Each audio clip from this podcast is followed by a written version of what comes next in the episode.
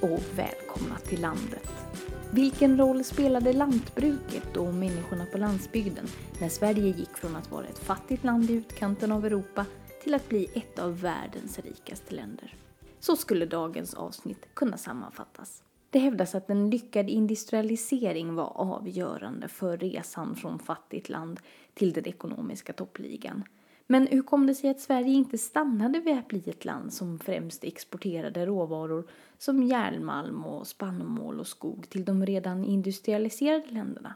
Vad hade bönderna med det hela att göra och varför är det här viktig kunskap idag? Det ska Patrik Svensson, professor på institutionen för stad och land på SLU i Uppsala, hjälpa oss att reda ut nu. Hej, jag heter Patrik Svensson och jag är professor i agrarhistoria vid Sveriges lantbruksuniversitet. Jag eh, sysslar framförallt med forskning kring 1700 och 1800-talets eh, ekonomiska och historiska utveckling i Sverige. Så vad hände egentligen då på landsbygden under 1700 och 1800-talet som påverkade hur vi industrialiserades och blev det moderna Sverige? Ja, det hände jättemycket. Eh, nästan alla människor i Sverige på 1700-talet bodde ju på landsbygden. Ungefär 90 procent bodde på landsbygden. Och man hade ju en organisation där människor bodde i byar blandat. Bönder, eh, jordbruksarbetare, hantverkare, soldater och så vidare. Man hade ett livsmedelsunderskott som man var tvungen att importera spannmål. Och det här var ju ett problem och det fanns ganska många olika idéer om hur man skulle lösa det här. Och hundra år senare, 1850, då hade det här vänts till att Sverige exporterade spannmål, att människor hade börjat flytta ut från landsbygden in till städerna. Och allt det här tillsammans var en förutsättning för att Sverige skulle kunna industrialiseras. Och eh, den fortsatta utveckling som blev väldigt lyckosam i Sverige. Och det är ju viktigt att, att förstå hur kopplingen mellan det som hände på landsbygden och industrialiseringen såg ut. För industrialiseringen krävde ju arbetskraft. Så folk var ju tvungna att flytta från landsbygden till städerna då, där fabrikerna byggdes. Och då krävdes det ju mat till de här människorna. Så livsmedelsproduktionen på landsbygden var ju tvungen att öka för att man skulle kunna försörja de här nya arbetarna i städerna. Just det, så att eh, livsmedelsproduktionen ökade samtidigt som eh, människorna på landsbygden flyttade därifrån? Faktiskt så ökade den innan. Så det här är ett tydligt tecken på att det är förändringarna i jordbruket som kom först och sen industrialiseringen. Det började ske förändringar i jordbruket som ökade produktionen och på det sättet så kunde dels människor flytta för att man hade en högre produktivitet. Dels så fick man ökade inkomster inom jordbruket och då kunde man börja köpa saker från städerna genom de här inkomsterna. För en ökad produktion ger ju då ökade inkomster. Och det ökade ju produktionen i städerna då? Precis, för industrierna behövde ju sälja till någon. Och då sålde man sådana saker som textilier eller järnredskap, järnplogar och sånt till bönderna framför allt.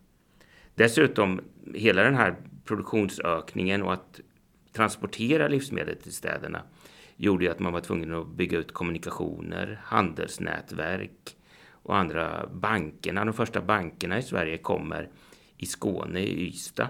Och det är en tydlig koppling till det som händer i jordbruket. Så de kommer inte i Stockholm eller vad man nu kunde tänka sig. Och allt det här skapar förutsättningar för industrialiseringen som kommer senare. För då är det redan uppbyggt ett ganska stort eh, samhälls... Eh, hur ska vi uttrycka det? Institutioner i samhället som är viktiga för att kunna få tillväxt inom industrin. Du sa ju att, att människorna började flytta från landsbygden till städerna i samband med det här. Vet man om de här människorna flyttade frivilligt eller om de var tvungna? Ja, alltså jag skulle säga att först så, så stannar ju människorna kvar under den här ökningen. När man väl flyttar sen så är det både det som man på engelska brukar säga push och pull. Det är både krafter som drar människorna in och krafter som puttar ut människorna. Och det ser man ju under andra hälften av 1800-talet att människor flyttar inte bara till städerna, de flyttar ju också till USA till exempel.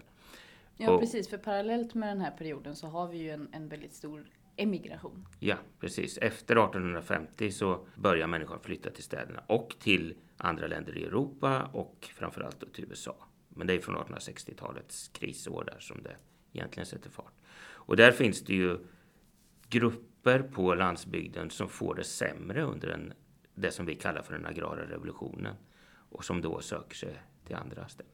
Ja, precis. Kan du berätta lite mer om den och vad, vad hände med jordbruk och landsbygd under den agrara mm. revolutionen? Den agrara revolutionen, eller jordbruksomvandlingen säger vi ibland också, det är ju eh, ett sätt att karaktärisera det jordbruket som förändras från ett jordbruk som växer ganska långsamt i produktion och befolkning till ett eh, jordbruk där produktionen ökar mycket kraftigare än vad befolkningen gör. Så man får alltså mer mat per invånare. Och det finns ju många olika beståndsdelar i eh, den agrara revolutionen. Jag tror det som de flesta människor känner till bäst är väl skiften av jord. Där man eh, bryter upp de här byarna som har funnits innan och ägoblandningen där olika bönders tegar ligger bredvid varandra till de här gårdarna där man har bondgården och all sin jord runt den egna gården. Och byn egentligen sprängs bort då, försvinner. Och det, det här påverkar ju såväl landskapet som människorna. För människorna har ju tidigare bott tätt tillsammans, såväl bönder som då obesuttna, de som inte har någon jord och hantverkare och soldater och så vidare. Nu är det ju egentligen bara de obesuttna som bor kvar i det som vi kallar för byar, medan bönderna flyttar ut med sina gårdar. Och det här skapar ju såklart olika nya sociala och kulturella nätverk och hur, hur, man, hur man umgås med varandra. Så det är ju en del av eh, den agrara revolutionen. Men det, är det som egentligen ökar produktionen det är ju att man odlar upp äng till åker. Och det här har ju varit ett problem, det har man inte kunnat göra därför att man behöver ju foder till djuren och djuren ger gödsel till åkern. Så för att kunna göra det här så inför man det som vi kallar för eh, växelbruket. Eller man inför vallodling, man odlar fodergrödorna på åkern och man har nya, eh, nya grödor och man kombinerar grödorna i olika växtföljder på ett annat sätt än man har gjort innan. Det här gör att man kan öka åkerarealen kraftigt och då kan man också öka produktionen av livsmedel. Och det här är ganska kopplat till, i alla fall det som jag har sett, de undersökningar jag har gjort, så visar det sig att det här sätter fart efter skiftena. Så det krävs att den gamla organisationen bryts upp för att man ska kunna införa de här nya. De här skiftena är egentligen, det är liksom det verkliga startskottet på dagens moderna jordbruk? Jag hävdar så. Jag skulle stå för att jag tycker att skiftet är en väldigt viktig del av den agrara revolutionen. Men det är andra saker också. Man inför ju de här, vi pratade lite om järnplogar till exempel. Man eh, dikar ut landskapet. Man lägger ner mer arbete, bättre redskap och i de här nya jordarna som man odlar upp. Och det här gör ju också att man får ut mer per hektar än vad man har fått innan. Du pratade lite om att det här slog sönder de sociala strukturerna, eller vad man ska säga, i de här byarna. Och det är ju några då som blir jordägande och som flyttar ut, som blir de här storbönderna och så är det en klick kvar. Och det är de här som inte äger och som kanske är längre ner på samhällsstegen och, och kanske har det sämre ställt och sådär. Är det de då som blir de som flyttar till städerna sen då, eller? Ja, det, det är det ju framförallt. Det som händer... inte har en egen jord att, att leva av, så att säga. Ja, precis. Det är kanske lite mer komplext än så för att även inom mellan bönderna så sker en skiktning. De som har eh, haft det bäst är de som är, som, som är skatte och kronobönder. Alltså de som äger sin jord är skattebönderna. Och de som är arrendatorer under kungen eller kronan är ju kronobönderna. De har haft en fast skatt så de har kunnat eh, generera större inkomster genom att producera mer för de betalar lika mycket skatt från 1680-talet till ungefär 1900. Medan de som var arrendatorer under adeln, frälsebönderna, adelsmännen de såg ju om eh, bönderna, arrendatorerna, producerade mer och då höjde de ju vad de fick betala i dagsverken eller i natura eller i pengar då. Så de får det inte så väldigt mycket bättre. Och det är också så att det kostar en del med skiften och investeringar så att stora bönder klarar sig bättre än småbönderna under den här perioden just. Så det är ganska många olika saker. Det är inte bara så att det finns några fattiga som sen flyttar till stan. Dessutom ökar den gruppen jättemycket. Från att vara 15 procent 1750 så ungefär hälften av alla på landsbygden år 1850 obesuttna. Så den gruppen har ökat väldigt mycket och det är för att det krävs arbete på böndernas gårdar. Så de här, det är de som lägger ner arbetet tillsammans med bondefamiljerna såklart. Är det så att, att ojämlikheten i samhället då ökar i samband med de här skiftena? Ja, från 1750 till 1850 så ökar ojämlikheten kraftigt i Sverige och det är framförallt på, grund, på landsbygden som det här ändrar sig. Det är inte så mycket mellan stad och landsbygd utan det är inom landsbygden. Däremot sen från 1850 till 1900 när industrialiseringen kommer, då är det ju helt andra krafter för då är det ju inom städerna som det sker en ganska stor ökning av ojämlikheten. Så vi pratar dels om en flytt till städerna och också det här helt nya landskapet runt om i Sverige. Vilka var de liksom pådrivande krafterna till det här och, och varför? Det finns ju åtminstone tre olika grupper eller aktörer som man brukar säga är drivande. Det första är ju staten, eller kronan då. Och det är ju så att Sverige under 1700-talet, eftersom man är tvungen att importera spannmål, så man är beroende av andra makter och det här vill man inte under 1700-talet. Då har man merkantilismen, eh, ett ekonomiskt synsätt där man ska vara självförsörjande i landet, helst exportera men inte importera så mycket. Så man försöker ju komma åt det här att förbättra eh, jordbruksproduktionen.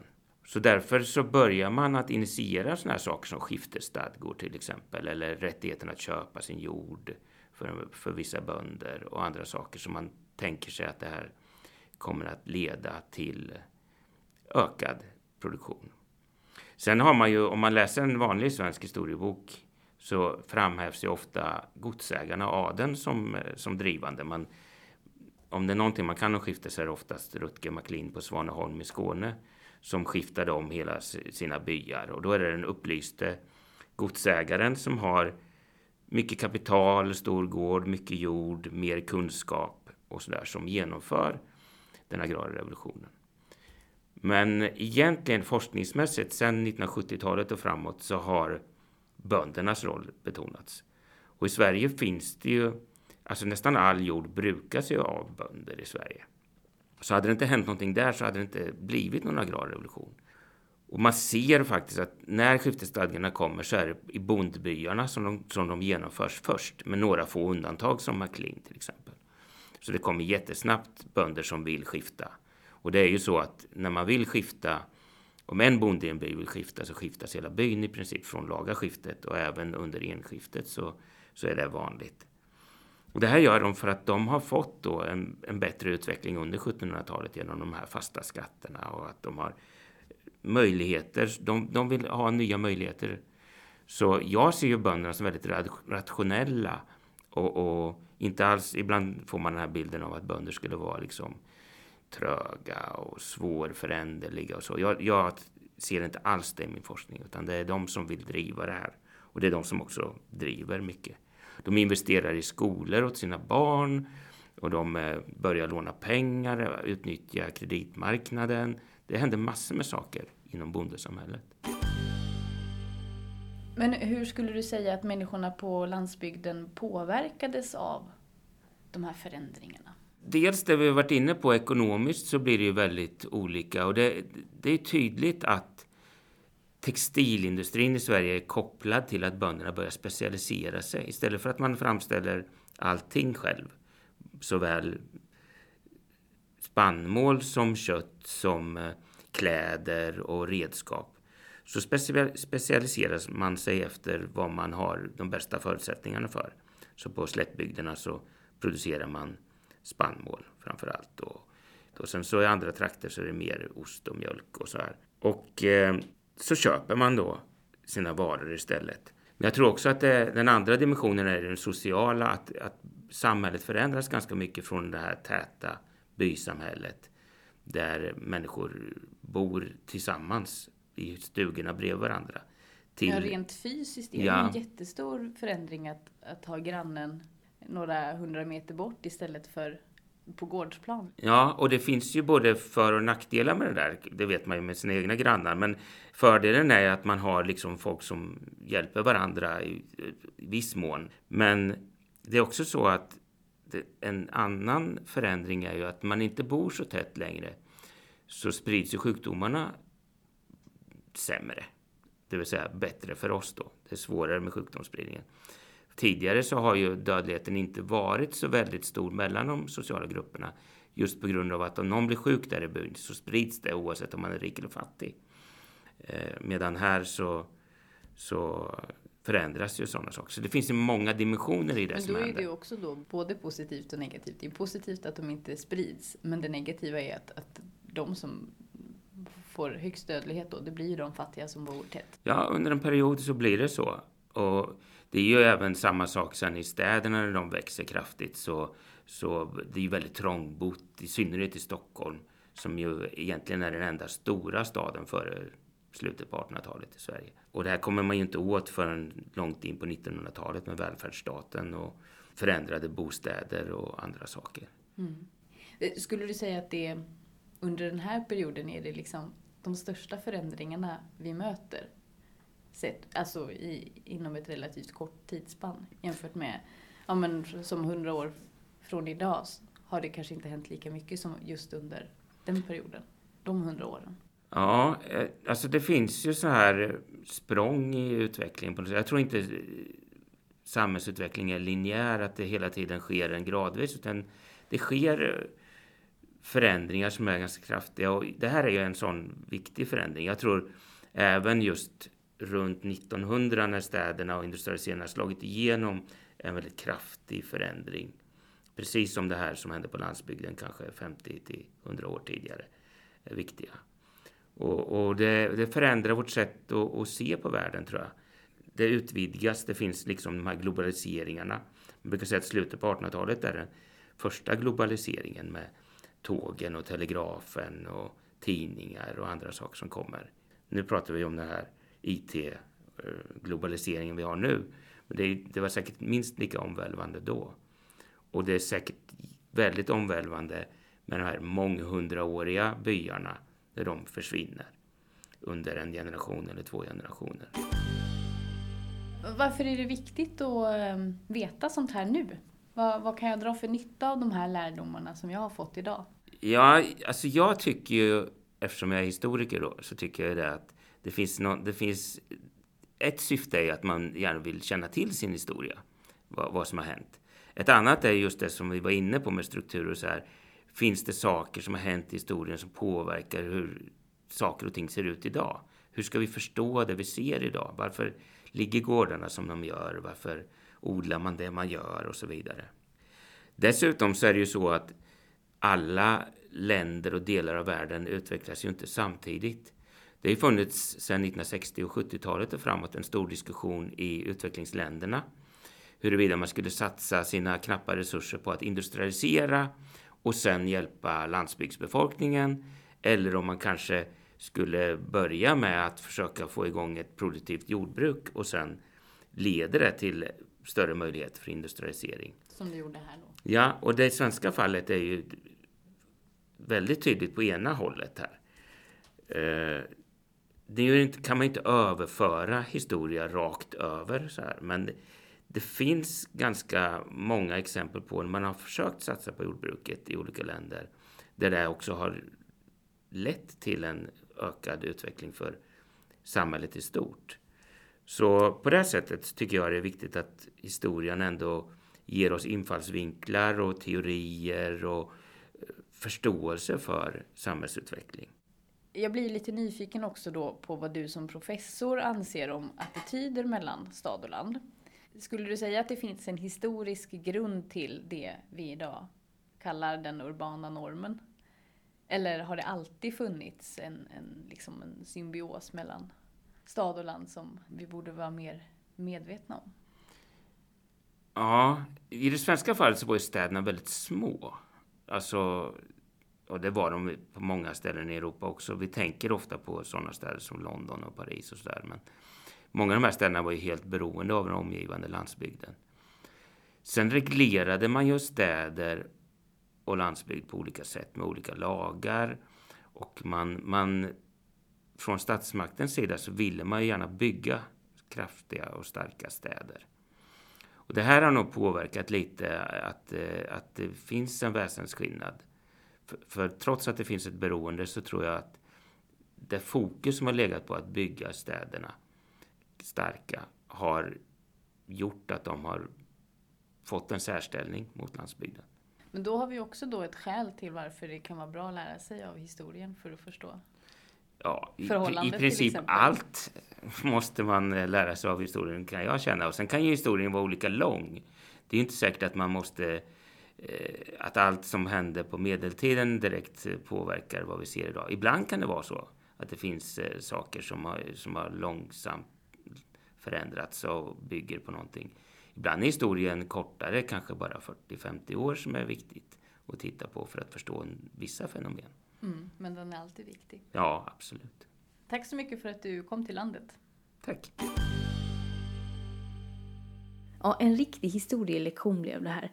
Men att skiftena av byarna i vårt avlånga land gjorde att jordbruket utvecklades på ett sätt som i sin tur fick industrialiseringen att ta fart på riktigt.